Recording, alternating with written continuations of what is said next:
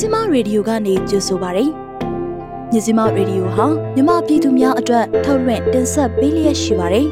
။ကျမတို့ရဲ့မြစီမရေဒီယိုကိုနေ့စဉ်ည6နာရီခွဲမှည9နာရီခွဲထိလိုင်းဒိုမီတာ16မီတာစက္ကွန်တသမခွန်3 MHz ကနေပြီးတော့ဖမ်းယူနားဆင်နိုင်ပါပြီ။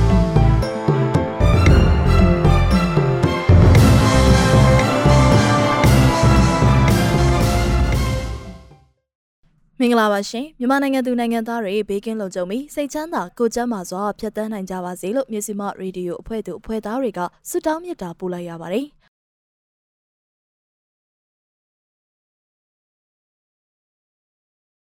ဒီကနေ့ညရဲ့သတင်းတွေထဲမှာရှမ်းပြည်နယ်အတွင်း RCSS နဲ့ UWSA စီရေးတင်မာတဲ့သတင်းလောင်းလုံးမြို့နယ်မှာရှိတဲ့ပြူစောတိစခန်းကို PDF အဖွဲ့သိမ်းပိုက်ပြီးလက်နက်နဲ့ဆိုင်ကယ်တွေတင်ဆက်ရခဲ့တဲ့တဲ့ ရေဦးမြို့နယ်ရွာမိတာရွာတိုက်ပွဲမှာဒေသခံကာကွယ်ရေးတပ်သား9ဦးကြာဆုံးနေတဲ့နိုင်ငံတကာသတင်းတွေကတော့တရုတ်နိုင်ငံရဲ့လူသားချင်းစာနာမှုဆိုင်ရာအကူအညီတွေအတွက်ကျေးဇူးတင်ကြောင်းတာလီဘန်ပြောကြားနေတဲ့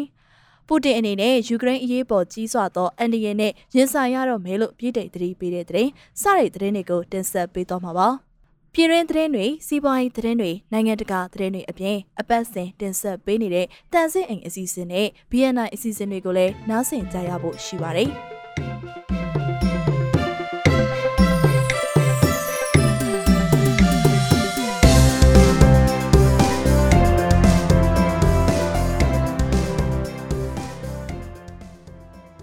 ရှမ်းပြည်နယ်အရှေ့ပိုင်းနဲ့တောင်ပိုင်းနယ်စပ်တလျှောက်မှာဝါတပ်ဖွဲ့ UWSA နဲ့ရှမ်းတော်လှန်ရေးတပ်ဖွဲ့ RCSS တို့အကြားစစ်ရေးတင်းမာနေကြောင်းဒေသခံအချို့ကပြောပါရယ် RCSS ထိန်းချုပ်ဒေသများဖြစ်တဲ့နာကောင်းမှုမိုင်းပန်နဲ့မိုင်းထအနီးတစ်ဝိုင်းမှာ UWSA တပ်ဖွဲ့ကဝင်ရောက်ကလမ်းသွားလမ်းလာတွေကိုစစ်ဆေးနေတာကိုတွေ့ရကြောင်းဒေသခံတအူကပြောပါရယ် မနေ့ကသွားတော့နားကောင်းမှုမှာဝါစစ်သားတွေဂိတ်ဖွင့်ပြီးစစ်နေတာတွေ့တယ်။ဝေအော်နားလေးရောက်နေတယ်လို့ပြောတယ်ဆိုပြီးဒေတာကန်တအိုးကပြောပါတယ်။လက်ရှိလူမှုကွန်ရက်မှာပြန့်နှံ့နေတဲ့ရုပ်သံဖိုင်အချို့မှာ UWSA စစ်အင်အားထောင်ချီနဲ့စစ်ပြင်နေတာကိုတွေ့ရပြီးတော့အဲ့ဒီစစ်ပြင်နေတဲ့ဒေတာမှာဝါတောင်ပိုင်းစစ်ဒေတာဖြစ်တယ်လို့ဒေတာတွင်သတင်းရင်းမြစ်အချို့ကပြောပါတယ်။ လက်ရှိလူမှုကွန်ရက်မှာပြန့်နှံ့နေတဲ့ရုပ်သံဖိုင်အချို့မှာ UWSA စစ်အင်အားထောင်ချီနဲ့စစ်ပြင်နေတာကိုတွေ့ရပြီးတော့အဲ့ဒီစစ်ပြင်နေတဲ့ဒေတာမှာဝတောင်ပိုင်းစစ်ဒေတာဖြစ်တယ်လို့ဒေတာရင်းသတင်းရင်းမြစ်အချို့ကပြောပါတယ်။ RCSS နဲ့ UWSA တို့ဟာ2005ခုနှစ်ကနောက်ဆုံးအကြိမ်အကြီးအကျယ်တိုက်ပွဲဖြစ်ပွားခဲ့ပြီးတဲ့နောက်အခုစစ်ရေးတင်းမာမှုအမြင့်ဆုံးပြန်လည်ဖြစ်ပေါ်လာခြင်းဖြစ်ပါတယ်။စကိုင်းတိုင်းရေဦးမြို့နယ်ရွာမိတာရွာမှာမနေ့ကဇန်နဝါရီလ22ရက်နေ့မနက်ပိုင်းကစစ်ကောင်စီတပ်နဲ့ဒေသခံကာကွယ်ရေးတပ်တွေတိုက်ပွဲဖြစ်ပွားခဲ့ရမှာကာကွယ်ရေးတပ်သား9ဦးကြာဆုံးခဲ့ကြောင်းရေဦးမြို့နယ်ပြည်သူ့ကာကွယ်ရေးအဖွဲ့ကထုတ်ပြန်ပါတယ်။အဲဒီတိုက်ပွဲမှာစစ်ကောင်စီနဲ့ပြူစောတိပူပေါင်းတပ်အားခုခံတိုက်ခိုက်ခဲ့တဲ့ကာကွယ်ရေးတပ်ကကြာဆုံးခဲ့သူ9ဦးကိုနေ့တွင်ချင်းတကြိုခဲ့ကြောင်းသိရပါတယ်။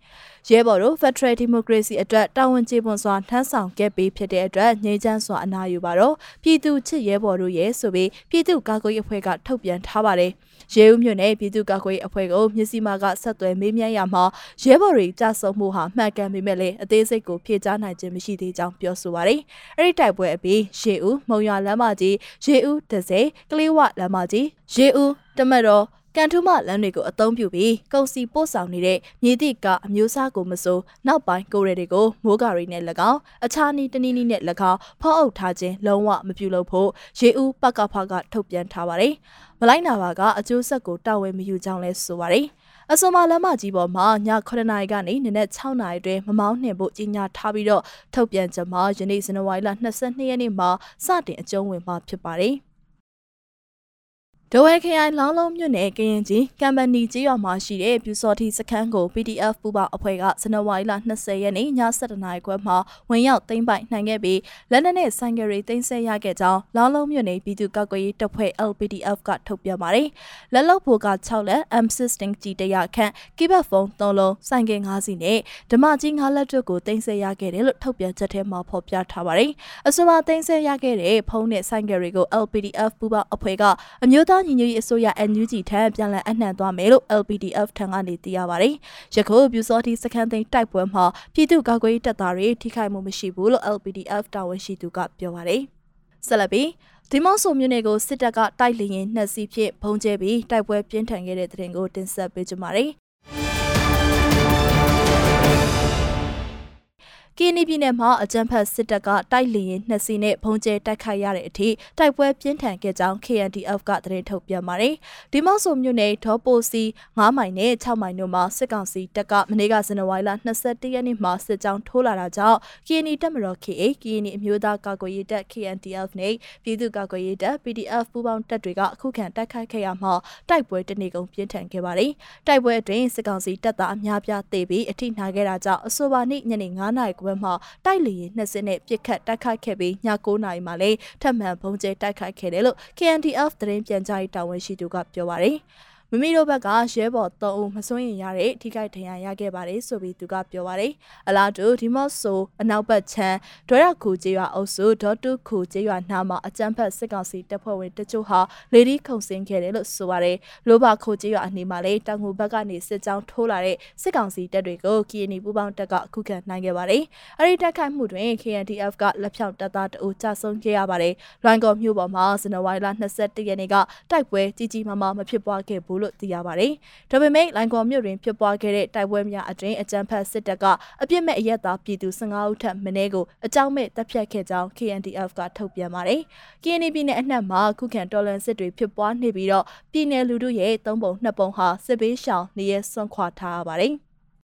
ရန်ကုန်တိုင်းလှိုင်းသာယာမြို့နယ်ငါးတိတ်မတိုင်အနီးမှာရှိတဲ့စစ်ကောင်စီတပ်ဖွဲ့ဝင်များတပ်ဆွဲထားတဲ့စစ်ကောင်စီတပ်အထက်ကျုပ်စရုံနဲ့ကင်းလက်စစ်ကားကို From 02 Hero ပျောက်ကြားတပ်ဖွဲ့ကမိုင်းဆွဲတိုက်ခိုက်ခဲ့ပြီးထိခိုက်ဒေဆုံးမှုရှိနိုင်တယ်လို့တပ်ဖွဲ့ဝင်တအူးကပြောပါရယ် ဒီကနေ့ဇန်နဝါရီလ22ရက်နေ့မနက်9:00နာရီခွဲမှာစစ်ကောင်စီတပ်ဖွဲ့ဝင်တွေတပ်ဆွဲထားတဲ့တပ်မတော်အထက်ကျုပ်စစ်ရုံကိုလက်ပစ်ဖုံးနဲ့ပစ်ခတ်တိုက်ခိုက်ခဲ့ပြီးတဲ့နောက်အဆိုပါဖုံးပေါက်ကွဲရာနေရာကိုတွားဖို့တရင်ကိုမှထွက်လာတဲ့စစ်ကားတစ်စီးကိုလည်း BOC မီးပွားအနီးမှာအဝေးထိန်ပုံဖြင့်ဖောက်ခွဲတိုက်ခိုက်ခဲ့ကြောင်းဆိုပါတယ်။ထိခိုက်သေးဆုံးမှုရှိပါတယ်။ကျွန်တော်တို့လည်းမြို့ပြဆိုတော့အတိအကျမကြည့်လိုက်နိုင်ဘူးဗျ။ကားကိုတော့ထိသွားတယ်။ဘယ်လောက်ပျက်စီးလဲဆိုတာတော့မသိရဘူး။စေယုံကားတွေရောက်လာတဲ့တော့ပတ်ဝန်းကျင်ကပြောတယ်ဆိုပြီး From 0 to Hero ပြောက်ကြားတပ်ဖွဲ့မှတပ်ဖွဲ့ဝင်တအူးကမျက်စိမှကိုပြောပါတယ် ဖောက်ခွဲတိုက်ခိုက်မှုဖြစ်ပွားပြီးတဲ့နောက်လှိုင်သာယာမြို့နယ်ကိုမီးဖြတ်ကစစ်ဆေးမှုတွေပြုလုပ်ခဲ့ပြီးတော့လက်ရှိပြည်သူတွေပုံမှန်အတိုင်းသွာလာနေကြောင်းလည်းသိရပါတယ်။မနက်စောကြီးထပေါက်တာအစောပိုင်းလူကြီးတိတ်ချိန်ဆိုတော့အတန်ကအတော့ကျတာပထမကားဘင်းပေါက်တာလို့ထင်တာနောက်မိနစ်ပိုင်းကျတော့နောက်တစ်လုံးပေါက်တဲ့ကြောင့်မှဘုံပေါက်မှန်သိတာလို့ဒေတာကန်တအုပ်ကဆိုပါတယ်။တော်လိုင်းရင်မုံနိုင်ချမ်းမှာလှိုင်သာယာသားများသွေးမအေးပဲတိုက်ပွဲဝင်နေပြီးတော်လိုင်းအောင်မြင်စေရေးပြည်သူများပါဝင်ကူညီပေးရန်လိုအပ်ကြောင်း From 0 to Hero အဖွဲ့ကဆိုပါတယ်။ ဆက်လက်ပြီးတီတိမ်မြို့အနီးဟိန်စိန်ရွာအနီးတစ်ဝိုက်ကိုစစ်တပ်ကမြေပြင်ဝေဟင်ထိုးစစ်နေတဲ့တဲ့ရင်ကိုတင်ဆက်ပေးကြပါမယ် ချင်းပြည်နယ်တီးတိမ်မြို့နယ်ကလေးတီးတိမ်လမ်းမပေါ်မှာရှိတဲ့ဟိန်စိန်ကျေးရွာအနီးတစ်ဝိုက်ကိုအကြမ်းဖက်စစ်တပ်ဟာမြေပြင်ကနေလက်နက်ကြီးအမြောက်တွေနဲ့ပစ်ခတ်ပြီးဝေဟင်ကနေရဟတ်ရင်နှစ်စင်းနဲ့ပစ်ခတ်ကြောင်းဒေသခံမြေပြင်တရင်ရင်းမြစ်ထံကနေသိရပါတယ်။ဒီကနေ့ဇန်နဝါရီလ22ရက်နေ့မနက်၈နာရီကမှကလေးမြို့တက္ကသိုလ်ဝင်းအတွင်းကအဝေးပစ်အမြောက်နဲ့14ချိန်တီတီလှမ်းပစ်ပြီးတော့မနက်၈နာရီခွဲမှာတော့ရဟတ်ရင်နှစ်စင်းနဲ့နိုင်ဝက်ကြာပစ်ခတ်ခဲ့တယ်လို့တရင်ရင်းမြစ်ကပြောပြပါတယ်။ကျွန်တော်တိတိကျကျမှတ်ထားတာ၈နာရီကနေစပစ်တာ၄မိနစ်အတွင်းမှာ14ချိန်ပစ်ပြီးသွားပြီးတစ်ခါပြည့်ရင်အတွဲလိုက်နှစ်ခါနှစ်ခါပစ်တာအမြောက်ပစ်လိုက်တိုင်းကလေးမျိုးတွေအထိမြေကြီးတွေတုန်ခါနေတယ်ကျွန်တော်အိမ်နေရအပ်ပီလိုတောင်ထင်ရတယ်ပြီးတော့၈နာရီခွဲမှာတိုက်ရဟက်ရင်ခေါ်မလားအဲ့ဒါနဲ့လာပစ်တာနိုင်ခွဲလောက်ရှိတယ်ဆိုပြီးကလေးမျိုးဒေသခံတအုပ်ကပြောပါတယ်ကျွန်တော်ပေါ်မှာအသုံးပြုနေတဲ့တိုက်ခိုက်ရဟက်ရင်နှစ်စင်းကိုညဘက်မှာကလေးမျိုး228တက်ထဲမှာရန်နာထားရပြီးတော့နနက်ပိုင်းမှာကလေးမျိုးဓကဆဒေသကုတ်ကဲမှုစစ်ဌာနချုပ်အနားမှာရှိတဲ့ကလေးလေးစိတ်ထဲမှာအစင်သစ်ရန်နာထားကလေကြောင်းတိုက်ခိုက်မှုတွေလှုပ်ဆောင်နေခြင်းဖြစ်တယ်လို့ဒေသခံထံကနေသိရပါတယ်။တိတိမ်မြို့နယ်ဟိန်စိန်ရွာမှာတက်ဆွဲထားတဲ့စစ်ကောင်စီတပ်တွေကိုပြီးခဲ့တဲ့ဇန်နဝါရီလ22ရက်နေ့မှာ CDMC ရင် PDF Zolan Zomi PDF CNA ကလေး PDF တရင်389 PDA ဇွန်ညအာမီနဲ့ CDF KKG တို့ပူးပေါင်းပြီးတော့ဝင်ရောက်တိုက်ခိုက်ခဲ့ရမှာစစ်ကောင်စီတပ်သား15ဦးသေဆုံးခဲ့ပြီးဒေသပြည်သူ့ကာကွယ်ရေးတပ်သား2ဦးဒဏ်ရာရရှိခဲ့ကြောင်း Zomi PDF ကထုတ်ပြန်ထားပါတယ်။ စကိုင်းတိုင်းအင်းတော်မြို့နယ်အင်းတော်နဘာနန်းစီအောင်မော်လူလမ်းပိုင်မှာရှိတဲ့နဘာရွာအနီးမှာစစ်ကြောင်းထိုးလာတဲ့စစ်ကောင်စီတပ်ကိုဇန်နဝါရီလ22ရက်နေ့နေ့လယ်7နာရီခန့်ကအလင်းအငိုက်တိုက်ခိုက်ခဲ့ကြောင်းအင်းတော် Revolution အိုင်အဖွဲ့တာဝန်ရှိသူကပြောပါရယ်အဆိုပါတိုက်ခိုက်မှုအပြီးညနေ6နာရီခွဲအချိန်ခန့်မှာစစ်ကူလာတဲ့စစ်ကောင်စီရင်နှစ်စီးကိုမော်လူမြို့နယ်ပေကုံရွာကြားမှာမိုင်းဆွဲတိုက်ခိုက်ခဲ့တယ်လို့အင်းတော် Revolution အိုင်အဖွဲ့ထံကနေသိရပါရယ်နဘာရွာဘက်ကတက်လာတဲ့စခ30ကိုချားဖြတ်ဝင်တိုက်တာကိုဘက်ကအရင်စော့ပစ်တာပေါ့လက်နက်ကြီးသုံးပြီးထုတာဗျသူတို့ဘက်ကအဲ့ချိန်ပြပြီးထွက်ပြေးကုန်တော့ကျွန်တော်တို့စုံနေတဲ့ချိန်သူတို့ကလက်နက်ကြီးတွေနဲ့ထုတာဗျစစ်ကောင်စီထုတဲ့လက်နက်ကြီးကလမ်းကပြည်သူကသမားတယောက်ထိမှန်ပြီးသေးတယ်ဆိုပြီး In Revolution IR အဖွဲ့တာဝန်ရှိသူကပြောပါတယ်အစပါထိတွေ့မှုမှာစစ်ကောင်စီဘက်က3ဦးသေဆုံးခဲ့ပြီးအများအပြားဒဏ်ရာရရှိခဲ့ကစစ်ကောင်စီမှအနီးတစ်ဝိုက်ကိုလိုက်လံပစ်ခတ်မှုကြောင့်ပြည်သူတို့သေဆုံးခဲ့ရတယ်လို့သူကဆိုပါတယ် စစ်ကောင်စီကနန်စီအောင်မြို့နယ်အင်းတော်မြို့ကိုထိန်းနိုင်ရန်စ조사နေတယ်လို့လည်းဒေသခံတန်းကနေသိရပါတယ် စစ်ကောင်စီကတုံစီကပင်ဝဲရွာဘက်နေလေကတိုက်ပွဲကြောင့်လာတဲ့ထင်တယ်ဗျအထက်ကအောက်ကိုဆင်းလာတာနန်းစီအောင်ကအထက်ပေါ့ပင်ဝဲဘက်ဆင်းလာတာပင်ဝဲကနေနန်းစီအောင်ကိုပြန်လာတဲ့လမ်းမှာဆော့လိုက်တာကျွန်တော်တို့ဘက်ကတယောက်တော့ထိသွားတယ်မစိုးရင်ရဘူးလို့သူကပြောပါတယ်အဆိုပါမိုင်းဆွဲတိုက်ခိုက်မှုကြောင့်စစ်ကောင်စီမှသုံးပွင့်ဘူတအူအပါဝင်စစ်တပ်ဦးခန့်သေဆုံးပြီး20ဦးခန့်နေရာရရှိခဲ့ကဒေသခံကာကွယ်ရေးဖက်မှတအူထဏ်ရာရရှိခဲ့ကမစိုးရင်ရကြောင်းသိရပါတယ် အဲဒီတိုက်ခိုက်မှုကို KIA နဲ့ IPDF တို့ပူးပေါင်းတိုက်ခိုက်ခဲ့ခြင်းဖြစ်ပါတယ်။ဇန်နဝါရီလ18ရက်ကလည်းစကိုင်းတိုင်းအထက်ပိုင်းအင်းတော်မြို့နယ်ရှိကတာကမော်လူဘက်ကိုဦးတည်မောင်းလာတဲ့စစ်ကောင်စီပိုင်း PRI တင်ဆောင်လာတဲ့ကားကိုဒေသကာကွယ်ရေးတပ်ကဖမ်းဆီးဖျက်ဆီးခဲ့ပါသေးတယ်။ရန်ကုန်မြို့နယ်ခုနှစ်ခုမှာပြုလုပ်တဲ့စစ်စင်ရေးတွေမှာစစ်ကောင်စီတပ်ထိခိုက်ဒေဆုံးမှုများရှိဟုဆိုတဲ့တဲ့တင်ကိုတင်ဆက်ပေးပါမယ် ရန်ကုန်တိုင်းမြို့နယ်ခုနှစ်ခုမှာဖြန်လွှားအောင်စစ်စင်ရေးနဲ့စကောင်စီတပ်တွေတက်ခိုက်ခဲ့ရမှာသေဆုံးမှုနဲ့ထိခိုက်ဒဏ်ရာရမှုတွေရှိခဲ့ကြောင်းအမျိုးသားညီညွတ်ရေးအစိုးရ NUG ကကွယ်ဝင်ကြီးဌာနရန်ကုန်တိုင်းစစ်ဒေသခွဲကုတ်ကိတ်အဖွဲ့က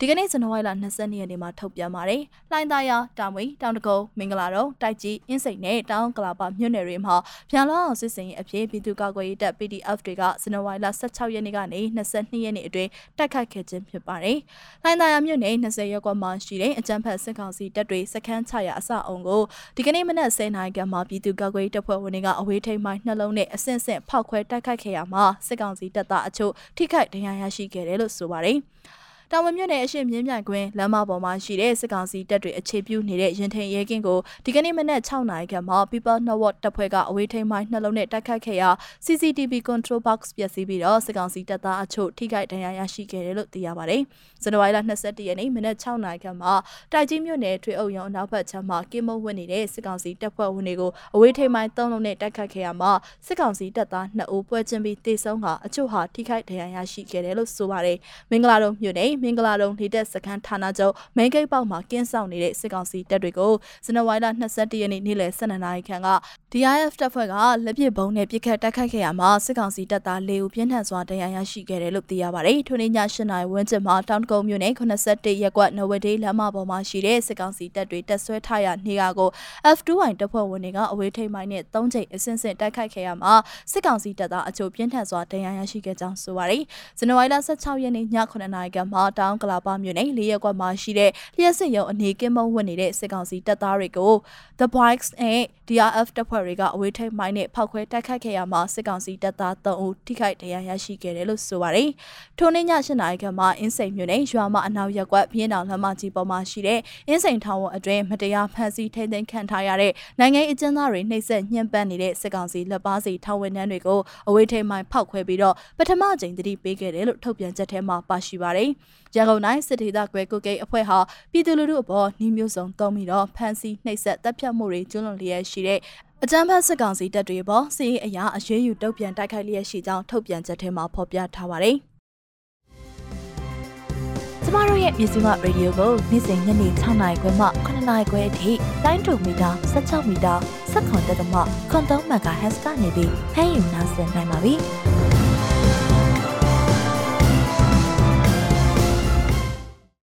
ပြည်ရင်းသတင်းတွေကိုတင်ဆက်လုပ်ပြီးပါပြီ။ဆက်လက်ပြီးတော့စီးပွားရေးသတင်းတွေကိုမက်ရွှေကြီးကတင်ဆက်ပေးမှာပါရှင်။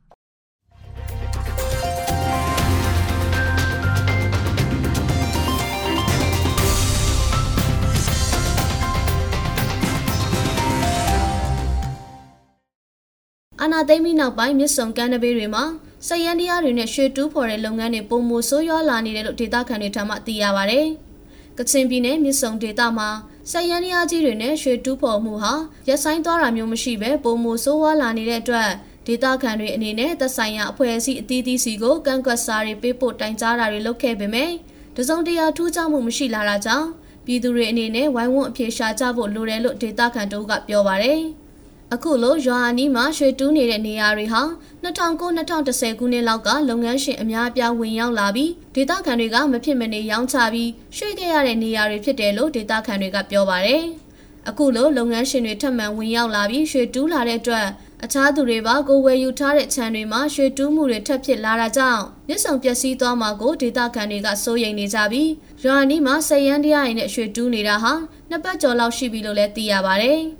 ဒါအပြင်အာနာသိမ့်ပြီးနောက်ပိုင်းမြစ်ဆောင်ဒေသဘက်အေယာဝတီမြစ်ကြောင်းတစ်လျှောက်မှာလည်းစက်ရန်တရားကြီးရည်နဲ့ရွှေတူးဖော်မှုတွေပုံမှုဆိုးရွားလာနေပါတယ်။ကချင်ပြည်နယ်မြကြီးနားမြို့နယ်တာလောကြီးဒေသဘက်မှာလည်းရခိုင်ဆိုးရလက်ထက်ကတရားဝင်ရွှေတူးဖော်မှုများရှိခဲ့ပေမဲ့သက်ဆိုင်ရာမှာဖမ်းဆီးမှုများမကြာခဏရှိခဲ့တဲ့အတွက်တရားဝင်ရွှေတူးဖော်မှုအနည်းငယ်သာရှိခဲ့ပြီးစစ်တပ်အာဏာသိမ်းပြီးတဲ့နောက်2021မတ်လနောက်ပိုင်းကစလို့တရားဝင်ရွှေတူးဖော်မှုတိတိတတ်တာများပြားလာကြောင်းသိရပါတယ်။ အခုလိုတရားဝင်ရွှေတူးဖော်မှုတွေဟာဒေသခံတွေလည်းပါဝင်ပြီးအများစုမှာနေဝင်းမှာလာရောက်လောက်ကင်ကြသူများဖြစ်ပြီးစက်ရန်ရရနဲ့လောက်ကင်သူတွေဟာရဝင်းမှာလာရောက်လောက်ကင်သူများသာဖြစ်ကြောင်းသိရပါတယ်။အခုလို AR မြစ်ကြောင်းတစ်လျှောက်မှာတရားဝင်ရွှေတူးဖော်မှုတွေကြောင့် AR မြစ်ကိုအားထားပြီးမြစ်ကြောင်းတစ်လျှောက်စိုက်ပျိုးရေးလောက်ကင်နေတဲ့စိုက်ပျိုးတောင်သူတွေရဲ့စိုက်ခင်းတွေရေတိုက်စားခြင်းကမ်းမပြိုခြင်းစတဲ့အခက်အခဲများလည်းကြုံတွေ့နေရကြောင်းသိရပါတယ်။ စစ်တပ်အာဏာသိမ်းပြီးတဲ့နောက်ကချင်ပြည်နယ်အတွင်းမှာရှိတဲ့နေရာအနှံ့အပြားမှာတရားမဝင်ရွှေတူးဖော်မှုတွေပုံမှန်များပြားလာပြီးရခိုင်ကရွှေတူးဖော်မှုအနေငယ်သာရှိတဲ့ပူတာအိုမြို့နယ်အတွင်းမှာလည်းအခုနောက်ပိုင်းမှာတော့တရားမဝင်ရွှေတူးဖော်မှုတိတိတသားမြင့်တက်လာနေကြောင်းသိရပါဗျ။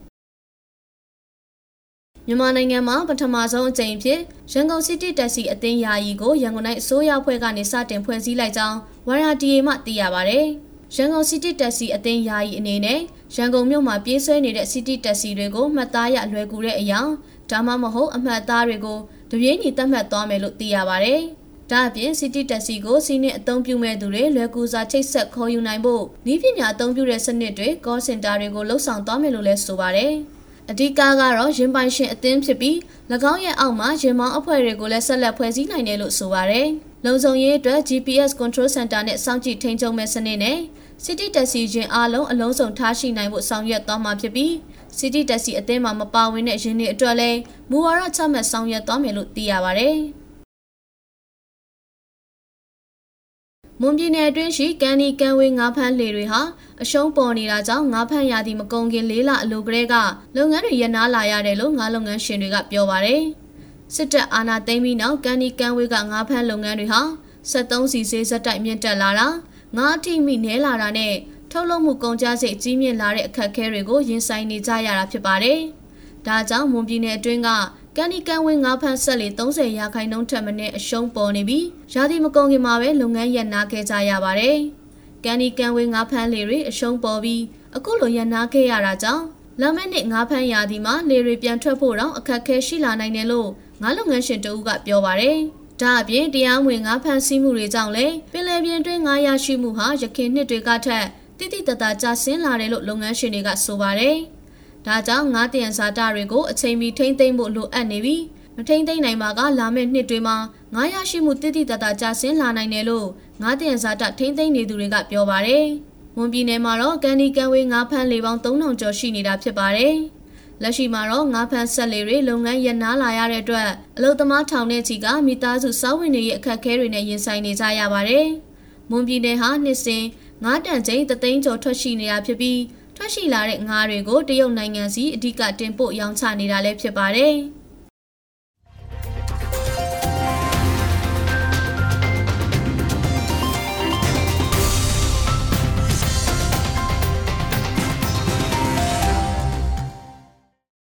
စီးပွားရေးသတင်းတွေကိုတင်ဆက်လို့အပြီးမှာတော့နိုင်ငံတကာသတင်းတွေအလဲပါကွန်ရွေဦးမောင်ကပြောပြပေးမှာပါရှင်။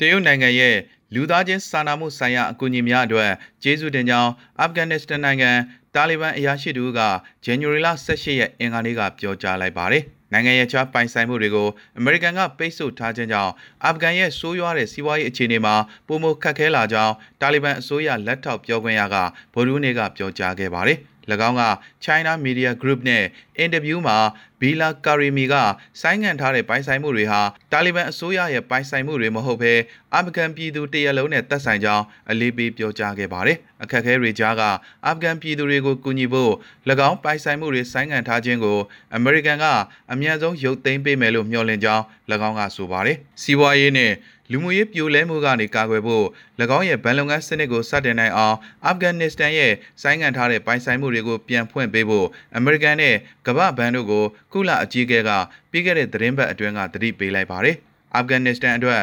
2022ကုလသမဂ္ဂ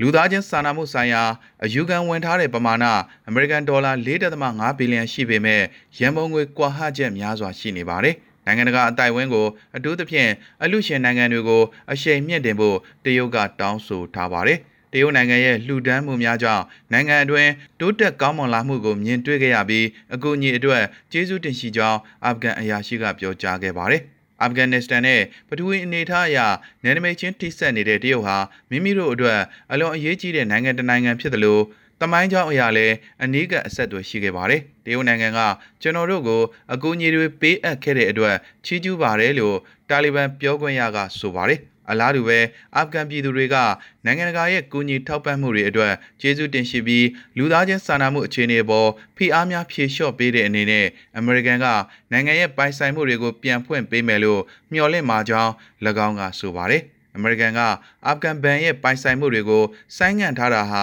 ကျွန်တော်တို့ဘဝတွေကိုဆိုးဆိုးရွားရွားထိခိုက်စေပါတယ်။အထူးသဖြင့်အခုလိုအချိန်ခါမှာအစားအသောက်နဲ့အဝတ်အစားအကူအညီတွေအချိန်မီရရှိဖို့လိုအပ်နေပါတယ်လို့ကဘူးမြို့ကန်ခါလစ်ရာဟီမီကပြောကြားခဲ့ပါတယ်။ရုရှားနိုင်ငံအနေနဲ့ယူကရိန်းကိုကျူးကျော်ဝင်ရောက်လာပါကကြောင်းမဲ့ဖွယ်ရာနွန်အိုင်ကြီးမှာမြုပ်သွားနိုင်တဲ့အနေနဲ့ရင်ဆိုင်ရမှာဖြစ်ကြောင်းပြည်ထောင်နိုင်ငံသားရေးဝန်ကြီး Liz Truss က January လ22ရက်တောက်ကြနေ့ကသတိပေးလိုက်ပြီးမော်စကိုအတွက်ကာလတာရှည်သွေးထွက်တန်ယုံမှုတွေနဲ့ပြင်းထန်တဲ့ပဋိပက္ခတွေကိုဖြစ်ပေါ်စေလိမ့်မယ်လို့ဆိုပါတယ်။ဩစတြေးလျမှာရောက်ရှိနေတဲ့ပြည်ထောင်ထိပ်တန်းအထူးတန်တမန်ကပြောကြားခဲ့ရမှာရုရှားသမ္မတဗလာဒီမီယာပူတင်ဟာမဟာဗျူဟာမြောက်အမှားကြီးတစ်ခုကိုကျူးလွန်မိဖို့လက်တကမ်းအလိုမှာရောက်နေပြီလို့ပြက်ပြက်သားသားသတိပေးလိုက်ပါတယ်။ သူဟာတမိုင်းကသင်ခန်းစာတွေကိုမသိယူခဲ့ဘူးလို့တက်ရက်စ်ကစစ်ဒနီမှာပြောကြားခဲ့ပြီးပူတင်ကိုကြီးမားတဲ့မဟာအမားကြီးမပြုတ်လို့မိခင်နောက်ပြန်ဆုတ်ပြီးယူကရိန်းကထွက်သွားဖို့တိုက်တွန်းလိုက်ပါတယ်။ကျူးကျော်ဝင်ရောက်မှုကကြောက်မက်ဖွယ်ကောင်းတဲ့နွန်အန်ကြီးတစ်ခုတည်းကိုဆင်းမိတယ်လို့ဖြစ်စေမှာပါ။အားလုံးသိတဲ့အတိုင်းဆိုဗီယက်အာဖဂန်စစ်ပွဲနဲ့ခြေချင်းညာမှာဖြစ်ပွားခဲ့တဲ့ပဋိပက္ခတွေအတွင်းအသက်ပေါင်းများစွာဆုံးရှုံးခဲ့ရတဲ့မော်စကိုရဲ့အတိတ်ကအမားတွေကိုသင်ခန်းစာယူဖို့သူမကပြောကြားခဲ့ပါတယ်။ ရုရှားကတင်ကားတွေတိုက်ခိုက်ရေးရင်တွေအမြောက်တွေဒုံးကျည်တွေနဲ့အတူယူကရိန်းနယ်စပ်မှာတောင်းနဲ့ချီတဲ့တပ်ဖွဲ့ဝင်တွေဖြန့်ကျက်ချထားပါတယ်။ကျူးကျော်မှုအရေးအယောင်တွေကိုလာပေါင်းများစွာမြင်တွေ့ခဲ့ရပြီးအချိန်မရွေးဖြစ်လာနိုင်တယ်လို့အင်ဗျူတော်ကယူဆထားပါတယ်။ကီးယက်ရဲ့အင်အားနည်းပေမဲ့အချိန်တို့အတွင်းခင်မီလာတဲ့တပ်ဖွဲ့ဝင်တွေဟာရုရှားရဲ့ကျူးကျော်မှုကိုပြက်ပြက်သားသားတုံ့ပြန်နိုင်လိမ့်မယ်လို့စစ်ရေးအကဲခတ်တွေကယုံကြည်ထားပါတယ်။ ဒါပေမဲ့ T-Rex က Kremlin ဘက်ကစစ်ရေးအသာစီးရနေရင်တောင်ရုရှားတပ်တွေကိုကြမ်းကြမ်းခံပြီးခုခံသွားဖို့ယူကရိန်းကိုအကြံပြုထားပါတယ်။ယူကရိန်းနိုင်ငံသားတွေကအနိုင်ရတဲ့အထိအောင်ပြက်ပြက်သားသားတိုက်လိမ့်မယ်လို့သူမကဆိုပါတယ်။ယူကရိန်းဆိုတာရှေးလျားတဲ့တမိုင်းကြောင်းရှိတဲ့ဂုံယူစရာနိုင်ငံတစ်ခုဖြစ်ပါတယ်။ မွန်ဂိုနဲ့တာတာတွေလိုကျူးကျော်လာတဲ့ရန်သူတွေကိုအရင်ကတည်းကတိုက်ထုတ်နိုင်ခဲ့တဲ့တမိုင်းကြောင်းရှိခဲ့တဲ့သူတို့ရဲ့ခုခံနိုင်စွမ်းကနှက်ဆိုင်ပါတယ်လိုအပ်ရင်ယူကရိန်းနိုင်ငံသားအားလုံးကနိုင်ငံကိုကာကွယ်ဖို့တိုက်ပွဲဝင်ပါလိမ့်မယ်လို့ Listeres ကဆိုပါတယ်။လွန်ခဲ့တဲ့ဆယ်စုနှစ်တခုနီးပါးကလူထုအုံကြွမှုကြီးတစ်ခုအပြီးအနောက်နိုင်ငံတွေနဲ့ပုံမပူးပေါင်းလှုပ်ဆောင်ဖို့တောင်းဆိုမှုတွေကိုစန့်ကျင်တဲ့အစိုးရတရက်ပြုတ်ကျသွားခြင်းကလေးက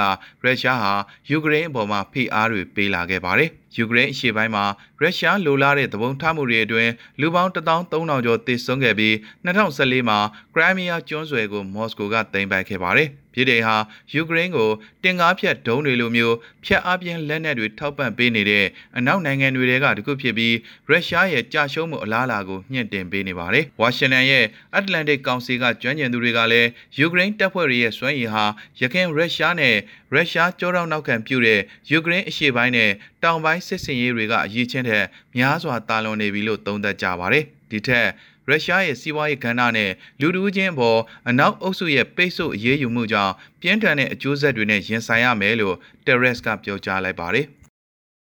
အခုနားဆင်ကြရမှာကအပတ်စဉ်တင်ဆက်ပေးနေတဲ့တန်ဆင်အိမ်ဆိုတဲ့အစီအစဉ်လေးပါတန်ဆင်အိမ်အစီအစဉ်မှာဖုံးမှန်နဲ့တန်ဆင်တို့ရဲ့တင်ဆက်ပေးထားတာကိုနားဆင်ကြရအောင်ပါ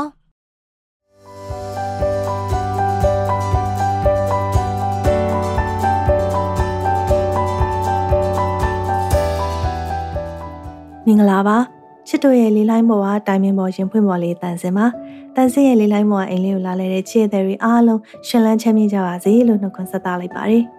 မင်္ဂလာပါခင်ဗျာကျွန်တော်ကတော့ဘုံမှန်ပါဒီနေ့လဲမနဲ့အတူတူချဲ့တဲ့တွေအတွက်ဘိုးတူတာနဲ့အတွေ့အမြင်သစ်တွေမျှဝေသွားပါမယ်နော်ချစ်တဲ့တွေအခုတလော်လေးမိတွေတအားပြတ်တာပဲနော်ပြောတော့မနက်9နာရီကနေ17နာရီညနေ9နာရီကနေ9နာရီအတွင်းအချိန်ပိုင်းမိဖြတ်ရတယ်တဲ့ဟွန်း ခုကြတော့ပြတ်ချင်တဲ့အချိန်မှာပြတ်ချင်တဲ့လောက်ကိုပြတ်နေတော့တာပဲနော်တန်စင်ရဲ့စီစဉ်ကိုအင်တာနက်ပေါ်ကနေနားထောင်ဖို့တော့အဆင်ပြေပါမလားစိတ်ပူတယ်ဟုတ်ပါမကြီးတချို့တချို့တွေကသာနိုင်ငံအနှံ့လျှက်စစ်ရထားတွေပြေးပါတော့မယ်ပြောနေတာလျှက်စစ်ဌာနကတော့ဓာတ်အားသုံးဖို့မလောက်လို့အချိန်နဲ့မိဖြတ်ရပါမယ်တို့ဓာတ်အားသုံးဆွဲမှုတက်တာတဲ့ LED မီလုံးလေးတွေတုံးပြီးတော့မီးအားချွေတာကြပါလို့ဆိုပြီးတော့ကြေညာနေကြတော့ကျွန်တော်ကတော့ရေဒီယိုတို့တက်ခဲတို့ပဲဆောင်းထားတော့တယ်မိလာတဲ့အချိန်တိုင်းမှာဖုန်းအားသွင်းတာမျိုးလည်းမမေ့အောင်သတိထားနေရတယ်မကြီး ကြိုတင်သတိဆိုတာတော့ပိုတယ်မရှိပါဘူး။အော်သတိဆိုလို့လေဒီနေ့ချဲ့တဲ့တို့ COVID-19 မျိုးကွဲအသစ် Omicron နဲ့ပတ်သက်ပြီးတော့လည်းသတိထားစရာလေးတွေမျှဝေစရာရှိတယ်။အမျိုးသားညီညွတ်ရေးအစိုးရကျန်းမာရေးဝန်ကြီးဌာနထုတ်ပြန်ပေးထားတာကိုအခြေခံပြီးတော့အတန်စင်ပြောပြမယ်နော်။ကာကွယ်ဆေးတွေပေါ်နေပြီဆိုပေမဲ့ဒီကမ္ဘာလုံးမှာ COVID-19 ကတ်ကြီးဟာပြီးသေးတာမဟုတ်ဘူးလေ။တန်စင်တို့မြန်မာပြည်မှာနိုင်ငံရေးကတ်ဆိုးပါပါနှိမ့်ဆက်တော့ပြည်သူတွေမှာပိုးပြီးတော့အထိနာရတယ်။တ ကယ်တမ်းကက်ယောဂါကိုတိုက်ဖြတ်တယ်ဆိုတာလူတိုင်းစီကိုကာကွယ်ဆေးရအစကုသပြုစုမှုဆောင်အကုန်လုံးလက်လန်းမိတဲ့အခြေအနေရှိမှထိရောက်တာအခုဆိုလို့ရှိရင် Omicron ကိုကမ္ဘာနိုင်ငံ150ကျော်မှာတွေ့နေရပြီမြန်မာနိုင်ငံမှာလည်းစတွေ့နေရပြီဟုတ်တယ်အဲ့ဒါကြောင့်မပေါ့ပဲနဲ့သတိနဲ့နေစေချင်တာ Omicron က Delta မျိုးကွဲနဲ့ရှင်လို့ရှင်သူက COVID-19 ကာကွယ်ဆေးထိုးပြီးသားသူတွေစီမှာယောဂလက္ခဏာတိတ်မပြင်းဘူးလို့ထင်ရပေမဲ့ကူးစက်နှုန်းကမြန်လို့မပေါ့သင့်ဘူးဆိုပြီးတော့ကမ္ဘာ့ကျန်းမာရေးဖွဲ့ကပြောထားတယ် အခုဆိုလို့ရှိရင်ကမ္ဘာတဝန်းလုံးမှာယောဂကူးစက်ခံထားရတဲ့သူစုစုပေါင်းတန်းနဲ့ချီရှိနေပြီတဲ့အဲ့ဒီမျိုးကွဲကြောင့်အသက်ဆုံးရှုံးရတာတွေလည်းယာနဲ့ချီပြီးရှိနေပြီကူးစက်မှုလုံးမြန်လို့ရှိရင်ဆေးရုံတက်ဖို့လိုတဲ့လူတွေအစမတန်များလာနိုင်တယ်ကျွန်တော်တို့နိုင်ငံမှာငကိုကလေးကဆေးရုံအစင်တန်းနဲ့ကျန်းမာရေးဝန်ထမ်းအရေးအတွက်ကစကျန်းမာရေးစောင့်ရှောက်မှုစနစ်ဆိုတာလိုအပ်ချက်တွေကအများကြီးရယ်ကိုဗစ်ရောဂါတွေစဖြစ်တော့မနှဲရှိတာလေးနဲ့ကြားကန်ထားခဲ့ရတာလေအဲ့လိုအချိန်ကြီးမတရားအာဏာသိမ်းတာခံလိုက်ရတော့အချိန်တွေကအတော်ကိုဆိုးသွားတာ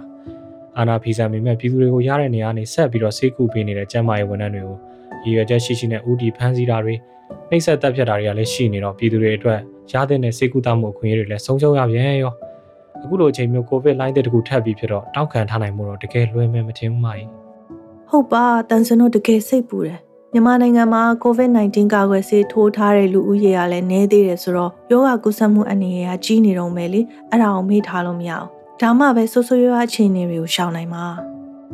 ဟုတ်တယ်ကျွန်တော်တို့မြန်မာပြည်သူတွေခင်ဗျာလဲကတ်ဆိုးကြီးတွေစီကမလွတ်နိုင်သေးဘူးဆိုတော့ငါတို့ကျမ်းမာရေးငါတို့ပဲကာကွယ်ရမယ်ဆိုပြီးကိုယ့်ကိုယ်ကိုဂရုစိုက်ဖို့ပဲရှိတော့တာပြည်သူကပြည်သူကိုစောင့်ရှောက်ရင် COVID-19 ရောဂါကိုအနိုင်ယူဖို့ပဲရှိတော့တာပေါ့အင်ပေါ်အချိန်မရွေး COVID-19 လှိုင်းအသစ်တစ်ခုဖြစ်လာနိုင်တာမလို့ကာကွယ်ဆေးထိုးတာအပြင်အားလုံးသိပြီးသားမဖြစ်မနေလိုက်နာကြရမယ်ယောဂကာကွယ်ရေးနည်းလမ်းတွေကိုပြန်ပြောပြမယ်နော်ချစ်ရတဲ့တို့သိချာမှတ်ပြီးတော့ကျင့်သုံးပေးပါနော်တစ် အိမ်ပြင်ထွက်တိုင်းတအိမ်ထဲနေတာမဟုတ်တဲ့သူတွေနဲ့တွေ့တဲ့အခါတိုင်းနှာခေါင်းစည်းတွေကိုသိချာတက်ရမယ်နှစ်အပြင်သွားပြီးတိုင်းမျက်နှာအောင်မကင်ခင် အစားမစားခင်ဆက်ပြနဲ့လက်ဆေးရမယ်သုံးလူစုလူဝေးများတဲ့နေရာအောင်မသွားဘူးမဖြစ်မနေသွားရရင်လည်းနှာခေါင်းစည်းတက်မယ်လေးလေဝင်လေထွက်မကောင်းတဲ့နေရာတွေကိုရှောင်မယ်ငါနှာခေါင်းစည်းတက်တက်မတက်တက်တယောက်နဲ့တယောက်6ပေအကွာမှာခက်ခွာခွာနေမယ်6ချောင်းဆိုးတိုင်းနှာချေတိုင်း ပါးစပ်နဲ့နှာခေါင်းကိုအုပ်မယ်နှာခေါင်းစည်းမတက်ထားမိတဲ့အချိန်လက်ကင်ဘဝလိုမျိုးလည်းမရှိရင်တရောင်စစ်ကိုကွဲပြီးတော့အင်ဂျီလက်နဲ့အုပ်မယ်ကာမယ်ခုနှစ်ကိုဗစ်ဖြစ်တဲ့လူနာနဲ့ထိတွေ့တဲ့အရာတွေနောက်ပြီးတော့လူအများထိတွေ့ကင်တွယ်လေးရှိတဲ့အရာတွေမျက်နှာပြင်တွေနဲ့နေရာတွေကိုမကြာခဏအိုးသက်တန့်စင်မယ်အဟုတ်ပါပဲမကြီးမြန်မာနိုင်ငံမှာပြည်သူတွေရဲ့85ရာခိုင်နှုန်းပဲနှာခေါင်းစည်းတက်လို့ရှိရင်တော့3လအတွင်းလူတစ်သောင်းမှာကိုဗစ်ဖြစ်တဲ့သူ55ယောက်ပဲထွက်နိုင်တယ်အဲဒါပေမဲ့ ပြည်သူတွေအားလုံးနှာခေါင်းစည်းမတက်ဘူးဆိုလို့ရှိရင်တော့နှစ်လအတွင်းမှာပဲလူဦးရေ1000မှာကိုဗစ်ဖြစ်တဲ့သူက146ယောက်တောင်ထွက်လာနိုင်တယ်လို့ပညာရှင်တွေကသတိပေးတွက်ချက်ပြထားတယ်အခုဆိုလို့ရှိရင်ကမ္ဘာနိုင်ငံတွေမှာလည်းကိုဗစ်စတုတ်ထလန်ပြန်ဆနေပြီဆိုတော့တတိယလိုင်းတော့လို့မြန်မာပြည်ထဲမှာအခြေအနေမဆိုးအောင် max တွေနှာခေါင်းစည်းတွေတက်တာလက်ဆေးတာမျိုးတွေအဓိကလုပ်ဖို့လိုပါတယ်အအခုဆိုရင်အပြင်ထွက်တဲ့အခါမှာနှာခေါင်းစည်းတက်လို့ရှိရင်ဒဏ်ရိုက်မယ်ကိုထိလက်ရောက်အပြစ်ပေးမယ်ဆိုတာတွေကပြည်သူတွေရဲ့အသက်ကိုတန်ဖိုးမထားတဲ့ အတိတ်ပဲမဲ့တဲ့အမိန့်တွေပဲဒါအင်မတန်ရင်နာစရာကောင်းတယ်အသေးပြောက်များစေခြင်းလို့များတမင်လုံနေသလားအောင်မရတယ် အသက်ထက်အရေးကြီးတာမရှိဘူးဆိုတော့နှာခေါင်းစည်းမတက်တာနဲ့နှာခေါင်းစည်းတက်လိုက်လို့ဒုက္ခရောက်မှာနဲ့ဘယ်ဟာကပိုအပ်နေရများလဲဆိုတာအခြေအနေနဲ့အချိန်ခါကိုကြည့်ပြီးတော့ဆုံးဖြတ်ပေါ့နော်ကိုဘာသာယောဂကာကွယ်တာကိုရမယ်ရှာပြီးပြတ်သက်သွားမှလည်းစိုးရင်ရသေးတော့နှာခေါင်းစည်းကိုတက်လို့ရသမျှတက်ပြီးတော့ကိုဗစ်ကနေအသက်အန္တရာယ်ကိုကာကွယ်ဖို့တိုက်တွန်းပြရစီနော်မနစ်ကဖေဖော်ဝါရီလကနေစပြီးတန်စင်တို့နိုင်ငံမှာမဆုံးရှုံးတဲ့အသက်တွေအချိန်တိုတိုအတွင်းမှာအများကြီးဆုံးရှုံးခဲ့ရပြီပြ ည်သူတွေအနိုင်ရပြီးနိုင်ငံပြန်လည်တည်ထောင်တဲ့အခါမှာတန်ဖိုးရှိတဲ့အသက်တွေအများကြီးလိုအပ်တာမလို့တတ်နိုင်သလောက်ကိုကိုကိုကာဝယ်ကြပါနော်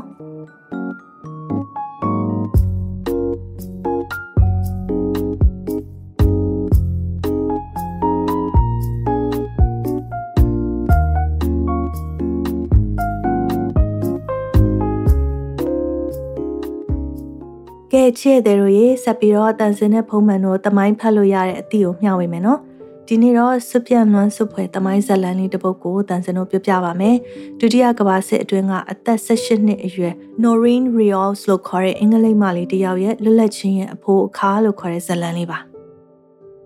ဒုတိယကမ္ဘာစစ်ကြီးအတွင်းအင်္ဂလန်အပါအဝင်ဥရောပနိုင်ငံတွေမှာနာဇီတွေကိုဆန့်ကျင်တော်လှန်နေကြတဲ့ကာလမှာ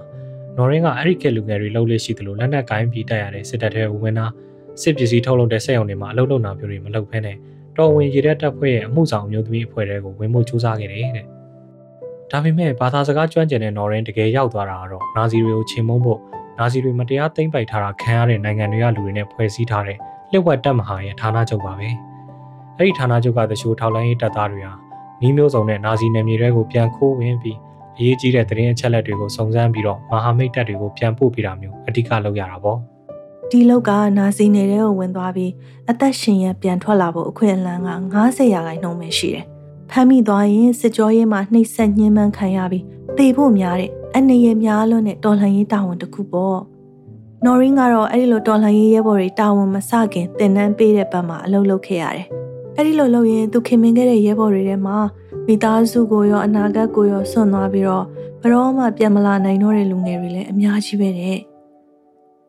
နော်ရင်းဟာအလုတ်သဘောရခင်မနေတဲ့ရဲဘော်တွေနဲ့သူတို့တွေရန်သူနေတဲ့ဝင်မသွားခင်မှာစကားတွေပြောပြတဲ့အခါလေးရှိတယ်။မိမရောမွေးကင်းစကလေးငငယ်လေးတွေပါရှိတဲ့ဒီရဲဘော်လူငယ်လေးတွေဟာဘာလို့လကတပြားမှမရပဲဒီလိုအလုပ်တွေကိုလုပ်ဖို့ဆုံးဖြတ်တာလဲလို့နော်ရင်းမကြခဏတွေးမိတယ်တဲ့။အဲ့ဒီလိုနဲ့အလုပ်လုပ်ရင်အချိန်ကြာလာတဲ့အမျှနော်ရင်းသိလာရတာကတော့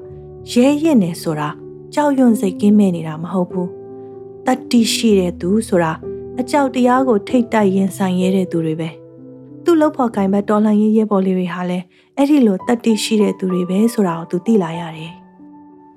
အဲ့လိုအလုံးလုံးနေနေပဲနော်ရင်းတယောက်ဟာသူ့တသက်မှာချစ်ရဆုံးချစ်သူကိုသူ့အသက်16နှစ်မပြည့်ခင်တရက်မှာတွေ့ခဲ့ပါတယ်တဲ့သူနဲ့စိတ်တူကိုယ်တူချစ်ရတဲ့သူကလည်းနာဇီနယ်မြေတဲကိုဒုတိယအကြိမ်စုံစမ်းထောက်လှမ်းရေးမရှင်သွားပြီးပြန်ရောက်လာတာမကြသေးတဲ့သူရဲကောင်းလေးတယောက် သူတို့နှစ်ယောက်ရဲ့ချစ်သူဘွားကအရန်ကိုစွတ်ပြန့်ကြည်နူးစရာအဖြစ်နဲ့လှပနေခဲ့ပါတယ်တဲ့။ဒါပေမဲ့လည်းသူတို့ရဲ့ချစ်စံလန်လေးသုံးလာကြတဲ့အချိန်မှာတော့နိုရင်းရဲ့ချစ်သူသူရဲ့ကောင်းကြီးကနောက်တစ်ချိန်ထောက်လိုက်ရေးမရှင်သွားဖို့ဖြစ်လာပါတော့တယ်။ဒီလောက်ရဲ့အကြောင်းကိုကောင်းကောင်းသိနေတဲ့နိုရင်းတယောက်ဘလောက်တောင်ကြောက်ရွံ့စိတ်ပူသွားလိုက်မလဲနော်။ဒီမရှင်ကသူ့ချစ်သူပဲလုံနိုင်မှာဆိုတာသူနားလဲပေမဲ့ဘလောက်တောင်တုံလှုပ်နေရှာမလဲ။သူ့ချစ်သူကတော့ကိုမဖြစ်မနေပြန်လာမှာပါ။ကိုရင်တော့နှစ်ချိန်တောင်ပြန်လာနိုင်ခဲ့သေးတာပဲ။ ပြန်လာပြီးရင်ကိုတို့တွေမခွဲတော့ဘူးလက်ထပ်ပြီးတော့ဆံဖြူသွားကြိုးတဲ့အထိတူတူနေကြမယ်လို့ကြိပေးခဲ့ရှာတယ်။နော်ရင်းရဲ့ချစ်သူတာဝန်နဲ့မသွားခင်နေမှာတော့နှစ်ယောက်သားမငိုဖို့စူးစမ်းရင်ထမင်းတူတူစားခဲ့ကြတယ်တဲ့။သူ့ချစ်သူကထွက်သွားမဲ့နောက်ဆုံးအချိန်မှာနော်ရင်းကိုပြုံးချရင်အလေးပြုနှုတ်ဆက်ခဲ့တယ်တဲ့။ဒါဟာနော်ရင်းတယောက်သူ့ချစ်သူကိုနောက်ဆုံးတွေ့ခဲ့ရတာပါပဲ။နော်ရင်းရဲ့ချစ်သူသူရဲ့ကောင်းကြီးကဘယ်တော့မှသူ့စီကိုပြန်မလာနိုင်တော့ပါဘူး။ သူ့ချစ်သူတာဝန်ယူခဲ့ရတဲ့ထောက်လှမ်းရေးလုပ်ငန်းကြီးအောင်မြင်သွားပေမဲ့စစ်ကြီးပြီးသွားတဲ့အထိသူ့ချစ်သူနဲ့ပြန်မတွေ့နိုင်တော့ပါဘူး။နော်ရင်းရဲ့လောက်ဖို့ဂိုင်မက်တွေကတော့နော်ရင်းကိုစွန့်လွတ်စွန့်စားရတဲ့ချစ်သူအတွက်ဂုဏ်ယူဖို့မိစ္ဆာဆိုးတွေလက်ထက်ကလွတ်ဖို့မြင့်မြတ်တဲ့လောက်ရလို့ဖြောင်းဖြခဲ့ကြပေမဲ့နော်ရင်းခမရင်ကွဲမတက်ခံစားခဲ့ရပါတယ်တဲ့။ချဲ့တယ်တွေနော်ရင်းရဲ့သမိုင်းဝင်ဇလန်လေးထဲမှာ စိတ်ထဲအခန်းစားရဆုံးကတော့နော်ရင်းတို့လိုလူငယ်တွေနဲ့ဖွဲ့စည်းထားတဲ့မဟာမိတ်လှည့်ဝက်တက်မှာတက်သားတွေအကုန်လုံးကလကတပြားမှမရတဲ့ volunteer တွေဆိုတာပါပဲသူတို့အသက်ဆုံးမှုဘယ်သူမှအတင်းကျပ်မလုပ်ခိုင်းဘူးအတင်းကျပ်အမိန်ပေးမထားဘူးဒါပေမဲ့သူတို့စွန့်စားခဲ့ကြတယ်သွားတဲ့အထက်ကတဝက်လောက်ကဘရောမှပြန်မလာနိုင်ကြတော့ဘူးနော်ရင်းရဲ့ချစ်သူလိုပဲသူတို့ရဲ့ငယ်ရွယ်မှုအိမ်မက်ညှောင်းလင်းချက်တဲ့အနာဂတ်တွေကိုပေးဆက်ခဲ့ကြတယ် အဲ့လိုဆုံးလွန်စွန်စားကြတဲ့သူတွေဟာသူတို့ရဲ့မိသားစုတွေမျိုးဆက်သစ်တွေရဲ့မနှက်ဖန်တွေရှိလာဖို့အတွက်သူတို့ရဲ့ငယ်ရွယ်တဲ့အညွန့်တလူလူနဲ့လက်ရှိဘဝကိုပေးဆက်ပြီးတွန်းလှန်ခဲ့ကြတာလို့အတိလေးဝင်မိတယ်။ဒါဟာအနာဂတ်ရဲ့စစ်မှန်သောလွတ်လပ်မှုအတွက်သူတို့ပေးချေခဲ့တဲ့ဖိုးခါပါပဲ။တန်စင်ကတော့လေနော်ရင်းရဲ့သမိုင်းဇလန်လေးကိုဖတ်ရင်းနဲ့ရဲရင်နဲ့ဆိုတာကြောက်ရွံ့စိတ်ကင်းမေ့နေတာမဟုတ်ဘူး။တတိတကယ်ရှိတဲ့သူဆိုတာအကြောက်တရားကိုထိတ်တိုက်ရင်ဆိုင်ရတဲ့သူတွေပဲဆိုတဲ့စကားလေးရင်ထဲဆွဲသွားတယ်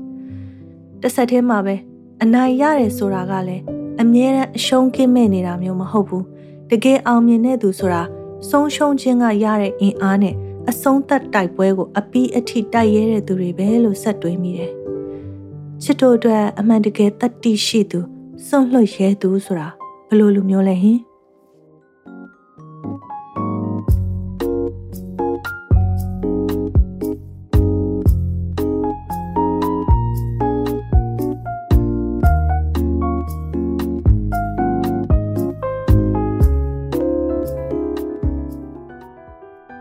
ခုဆက်ပြီးအရင်ပတ်တွေကမိတ်ဆက်ပေးနေတဲ့စီရတော်အရှင်တရဏရေးသားတဲ့ယဟန်မှစစ်သားတို့ဆိုတဲ့တရားဆောက်ထဲကလမ်းညွှန်မှုတွေကိုဆက်ပြီးတော့နားဆင်ကြည့်အောင်နော်။အရင်တစ်ပတ်တုန်းကတော့တာဝန်ရှိပါးတွေကပထမဆုံးအချက်ကောင်းမြတ်သောအယူအမြင်ရဲ့ပထမအပိုင်းကိုတန်စင်တို့တူတူလေ့လာခဲ့ကြတယ်နော်။အခုတစ်ပတ်တော့ကောင်းမြတ်သောအယူအမြင်ရဲ့ဒုတိယပိုင်းကိုပုံမှန်ကဖတ်ပြပေးပါမယ်ရှင်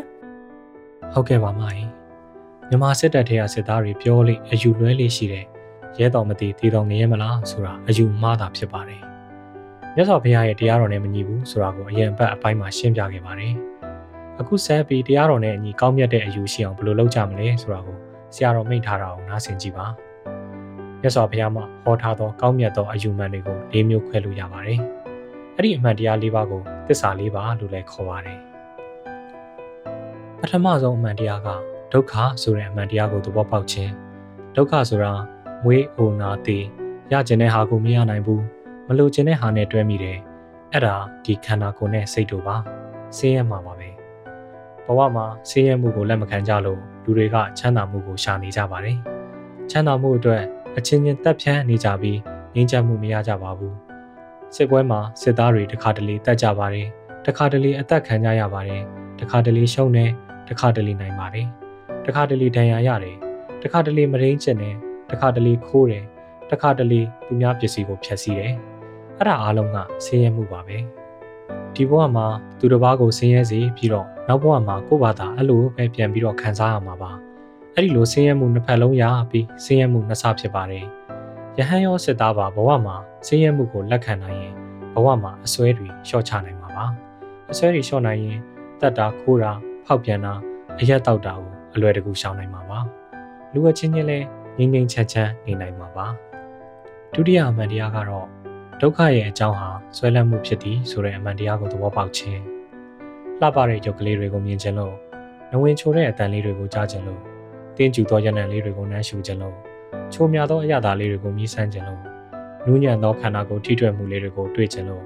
ချမ်းသာသောစိတ်ကူးလေးတွေကိုစဉ်းစားခြင်းလို့ဒီအချက်တွေကိုကာမဂုဏ်လို့ခေါ်ပါတယ်ဒီအချက်တွေကိုလိုချင်လို့ဘဝမှာလည်းဆင်းရဲနေရပါတယ် တေးဆုံးသွားပြီးရင်လည်းဆင်းရဲရမှာပါနောက်ဘဝမှာခန္ဓာတွေရပြီးမွေးအိုနာဒေတာတွေကိုထပ်မံခံစားနေရပါတယ်ဒီလိုချင်ခြင်းတွေကြောင့်ဦးဇင်းတို့ကအကုသိုလ်တွေပြုမိပြီးဘဝတွေထပ်ပြီးတော့တိုးပွားသွားပါတယ်ကိုကိုကိုရောသူတစ်ပါးကိုရောစိတ်ဆင်းရဲမှုဖြစ်စေမိပါတယ်ယာရုရခြင်းလို့လိန်ပြောကြပါတယ်သူတစ်ပါးကိုစကားနားထောင်စေခြင်းလို့ဒုံးနဲ့ရိုက်ကြပါတယ်သူတစ်ပါးထံမှအစားအစာမရလို့ခိုးမိပါတယ်အဲ့ဒါလဲဆင်းရဲမှုရဲ့အကြောင်း ဆွဲလန်းမှုဥပမာလေးတွေဖြစ်ပါတယ်။တတိယအမှန်တရားကဒုက္ခရဲ့အကြောင်းဆွဲလန်းမှုကိုအမြင့်ဖြုတ်လိုက်ရင်ဒုက္ခမှလွတ်သွားနိုင်ပါသည်ဆိုတဲ့အမှန်တရားကိုသဘောပေါက်ခြင်းအစွဲတွေကိုဖျက်လိုက်ရင်စိတ်ကငြိမ့်သွားပါတယ်။စစ်သားရောဦးစိန်ရဟန်းတွေရောခံစားမှုပါတယ်။တီးခံရင်အနာတက်တာပါတယ်။မလိုချင်တဲ့အခါငြိမ့်ပါတယ်။လိုချင်ရင်တော့မငြိမ့်ပါဘူး။စစ်ပွဲတိုက်နေရင်နိုင်ခြင်းနဲ့နိုင်ခြင်းနဲ့ဆိုပြီးစိတ်ထားရင်မငြိမ်းချမ်းပါဘူးဒါပေမဲ့ စစ်ပွဲမရှိတော့ဘူးဆိုရင်လူတိုင်းငြိမ်းချမ်းပါတယ်အချင်းချင်းအားလုံးချစ်ချစ်ခင်ခင်ချမ်းသာတယ်ဆိုလို့ရှိရင်လည်းစိုးရိမ်ပူပန်မှုမရှိလို့ငြိမ်းချမ်းပါတယ်လောဘတကြီးနဲ့သူတို့ရဲ့ပစ္စည်းကိုမခိုးတော့မဖောက်ပြန်တော့လိမ်မပြောတော့စိတ်ကရှင်းလင်းနေပါတယ်။နောင်တရခြင်းမရှိပါဘူး။အဲ့ဒီလိုစိတ်ကသူတစ်ပါးကိုညှင်းဆဲခြင်းမှကင်းသွားပြီးရှင်းလင်းသွားပြီးရင်ဒီဘဝမှာလည်းချမ်းသာမှုအကြောင်းဖြစ်ပါတယ်။နောက်ဘဝမှာလည်းချမ်းသာမှုအကြောင်းဖြစ်ပါတယ်။ တရားလဲအားထုတ်မယ်ဆိုရင်တန်တရားဝိတ္တုခကနေတောင်အပြေးလွတ်သွားနိုင်ပါတယ်။မလိုချင်ခြင်းသည်အချမ်းသာဆုံးဖြစ်ပါတယ်။စရုပ်ထအမှန်တရားကတော့ဒုက္ခမှလွတ်သွားအောင်တာဝန်ရှင်မျိုးကိုဖြည့်ဆွက်လိုက်ရင်ဆွဲလန်းမှုလည်းဖြတ်နိုင်မယ်ဒုက္ခကလည်းလွတ်သွားနိုင်မယ်ဆိုတဲ့အမှန်တရားကိုသဘောပေါက်ခြင်းပါပဲအရှိမရှင်းပြခဲ့တဲ့ယဟန်နဲ့စစ်သားတို့ရဲ့တာဝန်၈ပါးကိုတည်တည်ချာချာလိုက်နာရင်စစ်သားရဲ့ဘဝရောယဟန်ရဲ့ဘဝတွေပါအချမ်းသာဆုံးဖြစ်ပြီး ဆင်းရဲမှုကိုအပြီးပယ်ပေးနိုင်ပါတယ်သစ္စာလေးပါးကိုလက်ခံရင်ယူဆရင်တွေ့မြင်ရင်သဘောပေါက်ရင်ကျန်တဲ့တာဝန်တွေဟာအလွန်လွယ်ကူပါတယ်နောက်ပြီးကောင်းမြတ်သောအယူမှန်ဟာအခြေခံအဆင့်နဲ့အထက်တန်းဆင့်ဆိုပြီးအဆင့်နှစ်ဆင့်ရှိပါတယ်အထက်မှာပြောခဲ့တဲ့မြတ်စွာဘုရားရဲ့အထီးကတရားတော်ဖြစ်တဲ့သစ္စာလေးပါးဟာအခြေခံမဟုတ်ပါဘူးအထက်တန်းအဆင့်ဖြစ်ပါတယ်အခြေခံအဆင့်မှာတော့အခုဆက်ပြီးပြောပြမယ်၁၀ချက်ကိုလက်ခံရပါမယ် ဒီချက်တွေကတော့နံပါတ်1စွန့်ကြဲပေးကမ်းခြင်းသည်ကုသိုလ်ဖြစ်သည်နံပါတ်2လှူဒန်းခြင်းသည်ကုသိုလ်ဖြစ်သည်နံပါတ်3ယဟန်တီလာရှင်များအားထောက်ပံ့ခြင်းသည်ကုသိုလ်ဖြစ်သည်နံပါတ်4ကုသိုလ်အကုသိုလ်ကြောင့်ခံစားရမယ့်ကောင်းကျိုးဆိုးကျိုးရှိပါသည်နံပါတ်5အရင်ဘဝရှိပါသည်နံပါတ်6နောက်ဘဝရှိပါသည်နံပါတ်9ကို့အမေကျေးဇူးရှိပါသည်နံပါတ်10ကို့အဖေကျေးဇူးရှိပါသည်နံပါတ်9 အကောင့်အထည်တန်းဖြစ်တဲ့ပုံသားများရှိပါသည်နဲ့နံပါတ်10စိတ်အငြိအကျေးတွေကိုအမြင့်ဖြတ်ရှင်းလင်းကအောင်မြင်နိုင်ပါသည်လို့ပဲဖြစ်ပါတယ်လို့မိန့်ထားပါတယ်ခင်ဗျာ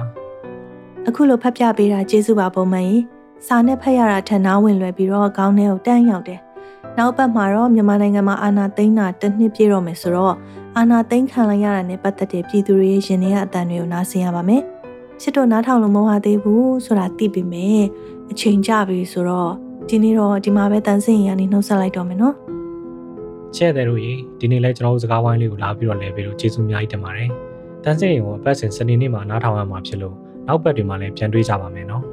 ။စနေနေ့ထိဆောင်ရင်းနဲ့တန်စင်တို့လွမ်းနေရတော့မှာဆိုရင်တော့လွှင့်ပြီးသားတန်ဆင်းအစီအစဉ်တွေကို Facebook Page မှာနဲ့ Apple Podcast, Google Podcast, Anchor, Spotify တို့လို podcast application တွေမှာတွားပြီးတော့နားထောင်လို့ရပါတယ်။ ဘယ်မှာပဲဖြစ်ဖြစ်တန်ဆင်းအိမ်ဆိုပြီးမြန်မာလိုရေးထည့်ပြီးတော့ရှာရင်တွေ့ရမှာပါ။တန်ဆင်းစီကိုရင်ဖွင့်ခြင်းတဲ့စကားတွေရှိရဆိုရင်တန်ဆင်းအိမ်ရဲ့ Facebook စာမျက်နှာကိုလာလည်ပြီးတော့ Messenger ကနေစာရေးလိုက်ပါနော်။ပြန်မစုံနိုင်သေးခင်အများကြီးမလွန်ချင်နော်။တတ။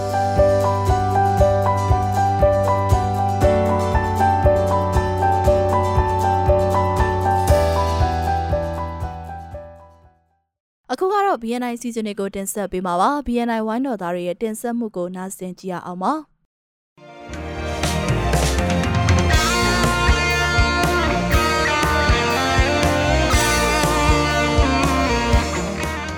မင်္ဂလာပါရှင်နိုင်ငံတကာမြန်မာသတင်း BNI ရဲ့ဒီကနေ့ဇန်နဝါရီလ22ရက်နေ့အတန်လွင့်အစီအစဉ်တွေကိုစတင်နေပါပြီဒီအစီအစဉ်ကတော့တိုင်းသားဒေသတွေတဲကသတင်းတွေ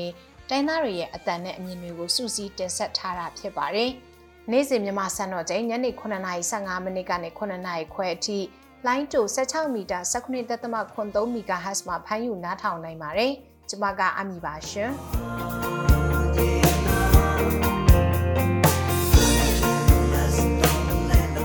ဒီနေ့မှာကြားကြမယ့်သတင်းတွေကတော့သခိုင်းတိုင်းကတာမှာចောင်းသားတက်မတော်နဲ့စစ်ကောင်စီတပ်တို့ကြားတိုက်ပွဲတွေပြင်းထန်နေပါတယ်။ လွိုက်ကော်မြို့အတွင်းမှာတော့ကြီးစံထိမှန်ထားတဲ့လူသေးအလောင်း17လောင်းလောက်တွေ့ရပါတယ်။နောက်ပိုင်းမှာတော့ရှမ်းပြည်ပြည်လဲထူထောင်ရေးကောင်စီ RCSS က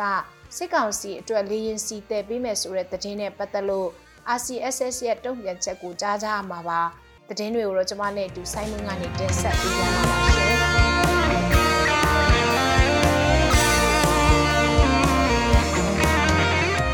စကိုင်းတိုင်းကရာမြို့နယ်နှက်လှန်ကျေးရွာနီးမြန်မာနိုင်ငံလုံးဆိုင်ရာចောင်းသားများဒီမိုကရက်တစ်တပ်ဦး ABSDF နဲ့စစ်ကောင်စီတပ်တို့ဇန်နဝါရီလ22ရက်နေ့ဒီနေ့မနေ့9နာရီဝန်းကျင်ခန့်ကစပြီးတိုက်ပွဲပြင်းထန်နေတယ်လို့ဒေတာအတွင်းကတည်င်းရင်းမြစ်တွေစီကသိရပါတယ်။လက်နဲ့ကြီးနဲ့ပြစ်ခတ်မှုတွေရှိနေပြီးထိခိုက်မှုကိုမသိရသေးဘူးလို့လည်းအဲ့ဒီရင်းမြစ်ကပြောပါတယ်။စစ်ကောင်စီတပ်ဖွဲ့ဝင်တွေကနှက်လှန်ရွာထဲကိုဝင်လာပြီးရွာကိုကာဗာယူပြီးတော့ပြန်လည်ပစ်ခတ်နေတယ်လို့လည်းဆိုပါတယ်။နှက်လန်ရွာထဲမှာ နေအိမ်တစ်လုံးမီးလောင်တာရှိပြီးတော့ဒေသခံရွာသားတွေလည်းရွာထဲမှာပိတ်မိနေတယ်လို့သိရပါတယ်။စစ်ကောင်စီတပ်ကကရာမြို့နယ်အထက်ပိုင်းစီတီကုန်းရွာနဲ့မိတ်တလင်းရွာပုံကြီးကျောင်းမှာဇန်နဝါရီလ20ရက်နေ့ကတပ်ဆွဲနေထိုင်ခဲ့ပြီးဇန်နဝါရီလ21ရက်နေ့ကနှက်လန်ရွာဘက်ကိုပြောင်းရွှေ့ပြီးတော့လာရောက်နေထိုင်တဲ့အတွက်တက်ဆိုင်ရာအဖွဲ့အစည်းကကြေးရွာနေပြည်သူတွေကိုဘေးလွတ်ရာကိုတင်းရှောင်ဖို့ကြိုတင်တတိပေးခဲ့ပေမဲ့တင်းရှောင်တာတွေမရှိဘူးလို့ဆိုပါတယ်ဒေတာအတွင်းတိုက်ပွဲပြင်းထန်နေတဲ့အတွက်စစ်တပ်ကကတာမျိုးဖက်တွားတဲ့လမ်းကိုပိတ်ထားတယ်လို့ရွာသားတွေကပြောပါတယ်လိုက်ကော်မြို့နယ်မှာဇန်နဝါရီလ14ရက်နေ့ကနေ21ရက်နေ့အထိလက်နက်ကြီးကြီးထိမှန်ပြီးတော့တေဆုံးသူတွေရဲ့အလောင်း17လောင်းအထိတွေ့ရှိရတယ်လို့လူမှုကူညီရေးအသင်းတွေစီကနေသိရပါတယ်။တေဆုံးသူတွေဟာလက်နက်ကြီးကြီးစားထိမှန်ပြီးတော့တေဆုံးတာတွေတနက်တန်ရာနဲ့ထိခိုက်တေဆုံးတာတွေဖြစ်ပြီးဘယ်အချိန်ကတေဆုံးသွားတယ်ဆိုတာကိုတော့တိတိကျကျမသိရဘူးလို့လူမှုကူညီရေးအသင်းတာဝန်ရှိသူတယောက်ကပြောပါတယ်။လိုက်ကော်မြို့အတွင်းဇန်နဝါရီလ14ရက်နေ့မှာ မင်္ဂလာရက်ကွက်က2ဦးဇန်နဝါရီလ15ရက်နေ့မှာမိုင်းလုံရက်ကွက်က2ဦးဇန်နဝါရီလ18ရက်နေ့မှာတော့ဒေါတမရက်ကွက်က2ဦးဇန်နဝါရီလ20ရက်နေ့မှာတော့နမ်ဘော်1ရက်ကွက်က2ဦးနဲ့ဒေါအခုရက်ကွက်က1ယောက်မိုင်းလုံရက်ကွက်က3ယောက်နောက်ပြီးတော့ဇန်နဝါရီလ21ရက်နေ့မှာတော့ဒေါအခုရက်ကွက်က2ယောက်တွေ့ရှိခဲ့ရပါတယ်တွေ့ရှိခဲ့တဲ့အလောင်းတွေကိုတော့လူမှုကူညီရေးအသင်းဖွဲ့တွေကနေပြီးတော့မြေမြုပ်တင်းကြိုပေးခဲ့ပါတယ်ဂရနီပြည်နယ်မှာ2022ခုနှစ် ဇန်နဝါရီလအတွင်းကနရာဝတီထိုင်းကလက်လန်းမီတလောက်ပြုစုထားတဲ့စီးရင်တွေအရအရက်သားတေဆုံးသူ24ဦးရှိပြီဖြစ်ပါတယ်။ဂရနီပြည်နယ်ထဲမှာတော့တိုက်ပွဲတွေကနေ့စဉ်ဖြစ်ပွားနေပြီးစစ်ကောင်စီကရက်ွက်တွေတဲကိုလက်နက်ကြီးကြီးတွေနဲ့ပစ်ခတ်နေတာတွေကြောင့်လူသေဆုံးမှုနေအိမ်ပျက်စီးမှုတွေရှိနေတဲ့အပြင်လေကြောင်းအုံပြုပြီးတိုက်ခိုက်မှုတွေလည်းပြုလုပ်နေတာဖြစ်ပါတယ်။ တနင်္လာရီတိုင်းမှာစစ်တပ်အာဏာသိမ်းပြီးတဲ့တနစ်နီးပါးကာလအတွင်းမှာဖမ်းဆီးခံရသူ950နီးပါးအထိရှိလာပြီးစစ်ကောင်စီတပ်ဖွဲ့ဝင်တွေရဲ့ပစ်ခတ်မှုကြောင့်ပြည်သူ69ဦးသေဆုံးသွားတယ်လို့ဖမ်းဆီးခံထားရမှုအချက်အလက်တွေကိုပြုစုနေတဲ့ပြားကလေးအဖွဲ့ကပြောပါတယ်။ P Tennisrim လို့ခေါ်တဲ့ပြားကလေးအဖွဲ့ရဲ့ပြုစုထားတဲ့အချက်လက်တွေအရဖေဖော်ဝါရီလ1ရက်နေ့ကစတင်ပြီးဇန်နဝါရီလ19ရက်နေ့အထိတနင်္လာရီတိုင်းမှာဖမ်းဆီးခံရသူ945ဦးထိရှိလာတယ်လို့ဆိုပါတယ်။ အဲ့ဒီထဲမှာတော့ထဝက်ခရိုင်တခုတည်းမှာပဲဖမ်းဆီးခံရသူ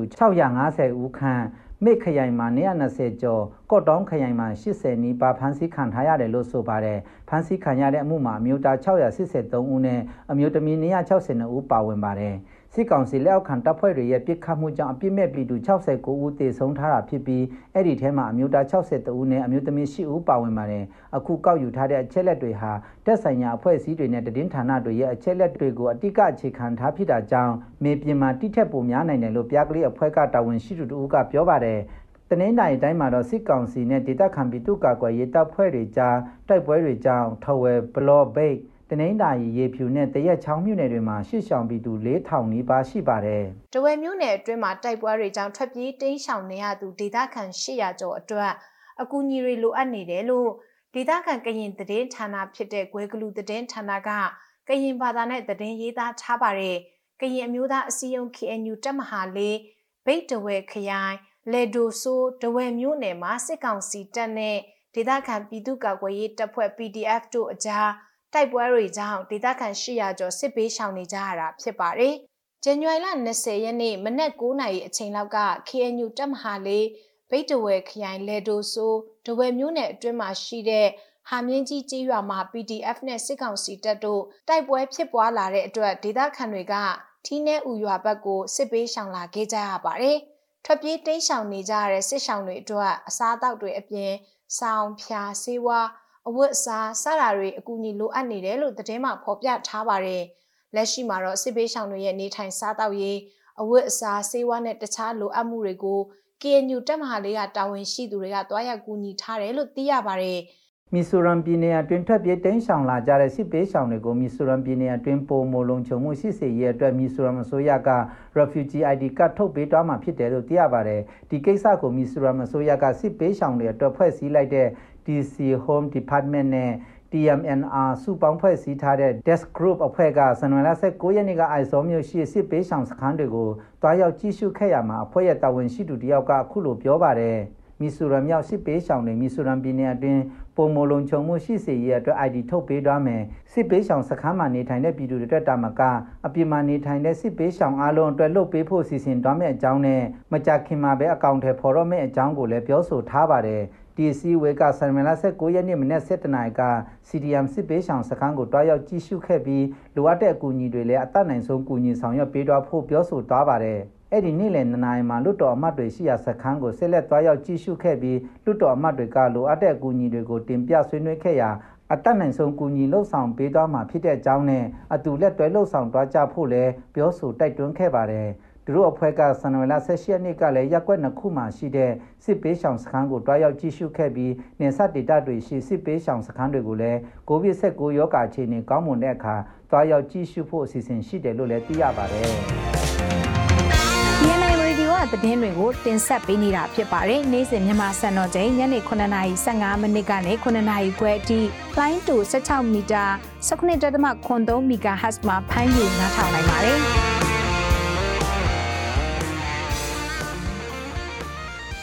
အခုဆက်ပြီးတော့သတင်းလွှာတွေကိုတင်ဆက်ပေးသွားမှာပါချင်းပြည်နယ်တီးတိမ်မြို့နယ်ကလေးတီးတိမ်ကားလမ်းမပေါ်ကဟိန်စိန်ကျေးရွာအနီးတစ်ဝိုက်မှာစစ်ကောင်စီတပ်နဲ့ချင်းပြည်သူ့ကာကွယ်ရေးပူးပေါင်းတပ်ဖွဲ့တို့တိုက်ပွဲတွေဆက်လက်ပြင်းထန်နေပြီးစစ်ကောင်စီတပ်ကလေကြောင်းအပါဝင်ဘိန်းတက်အမြောက်လက်နက်ကြီးတွေနဲ့အပြင်းထန်ထိုးစစ်ဆင်နေတယ်လို့သိရပါတယ်။အကြောင်းစုံကိုတော့ကိုရောဘတ်ကတင်ဆက်ပေးထားပါတယ်။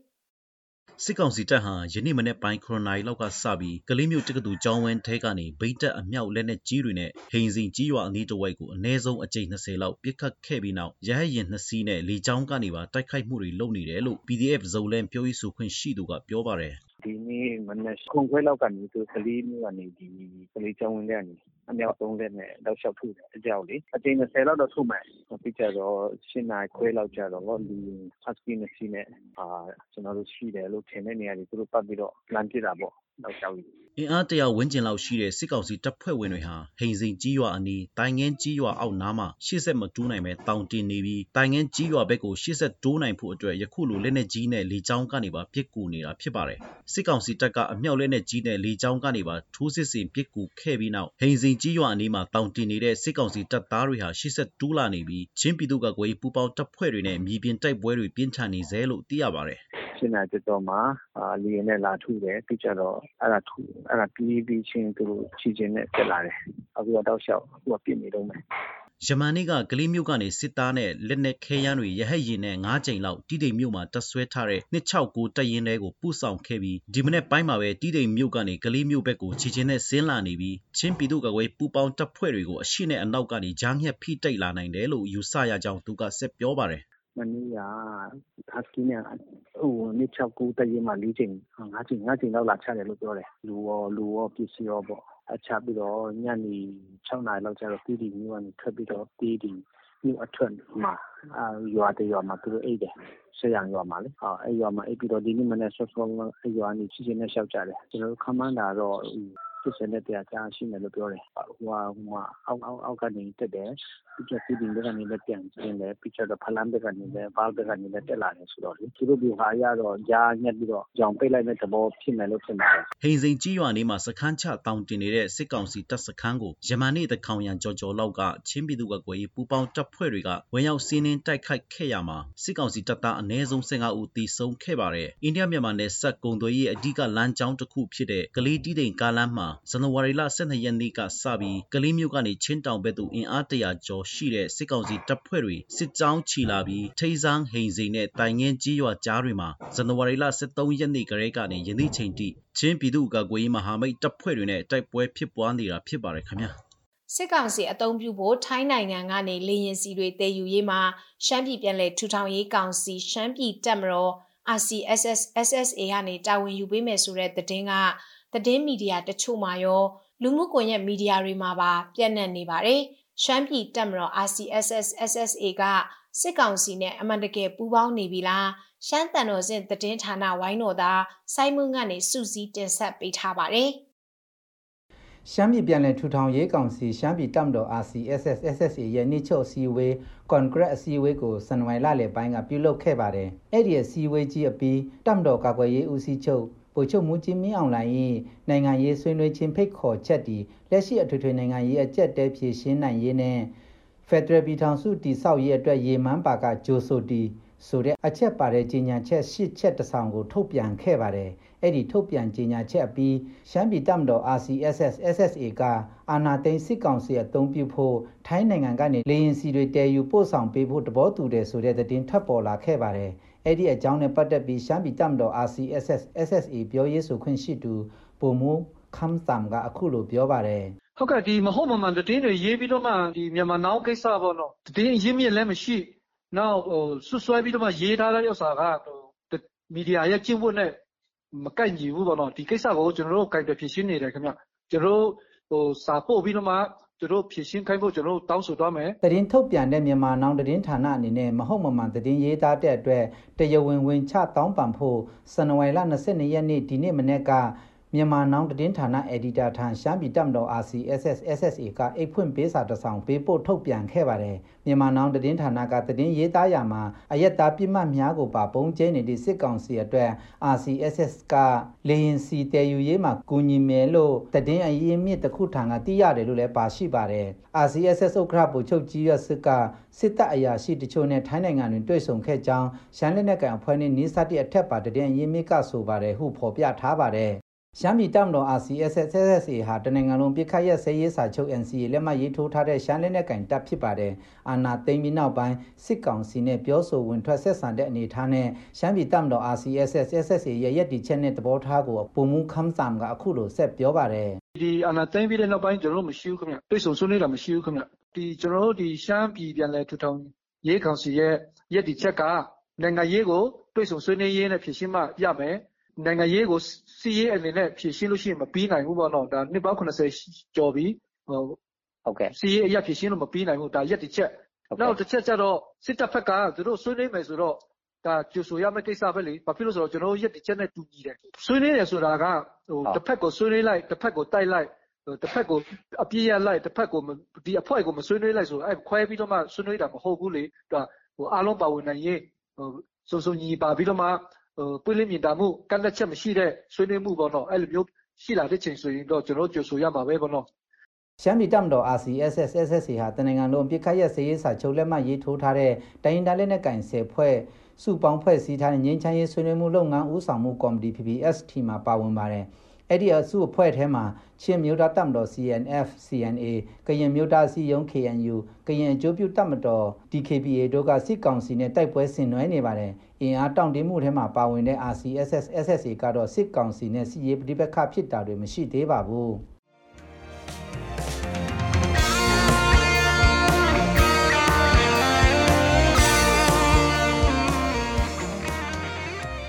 နားဆင်ခဲ့ကြရတာကတော့ BNI Radio ကနေ့စဉ်သတင်းအစီအစဉ်ပဲဖြစ်ပါတယ်။ဒီအစီအစဉ်ကိုနေ့စဉ်မြန်မာစံတော်ချိန်ညနေ9:15မိနစ်ကနေ9:00ခွဲအထိ15မိနစ်ကြာထုတ်လွှင့်နေတာဖြစ်ပါတယ်။နားဆင်ပေးတဲ့အတွက်ကျေးဇူးတင်ပါတယ်ရှင်။ကျွန်မကအမီပါ။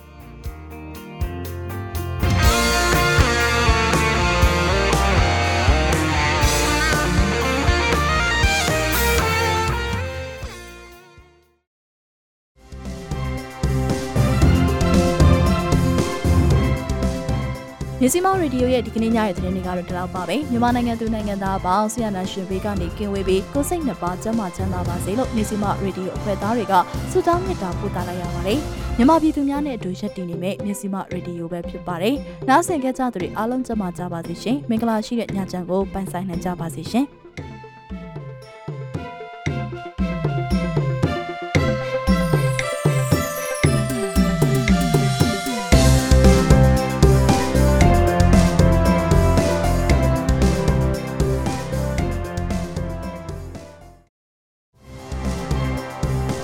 မတို့ရဲ့မြစီမရေဒီယိုကိုနေ့စဉ်ည6နာရီခွဲမှည9နာရီခွဲထိလိုင်းဒိုမီတာ16မီတာစက္ကွန်တသမခွန်3 MHz ကနေပြီးတော့ဖမ်းယူနားဆင်နိုင်ပါပြီ။မြစီမရေဒီယိုကိုနားမစင်လိုက်ရတဲ့သူတွေအနေနဲ့မြစီမ News and Farming Page, 108 Page, မြစီမ YouTube Channel, မြစီမ Website Podcast application podcast Anchor podcast တွေမှာလည်းပြန်လည်နှာစင်လို့ရပါတယ်နော်။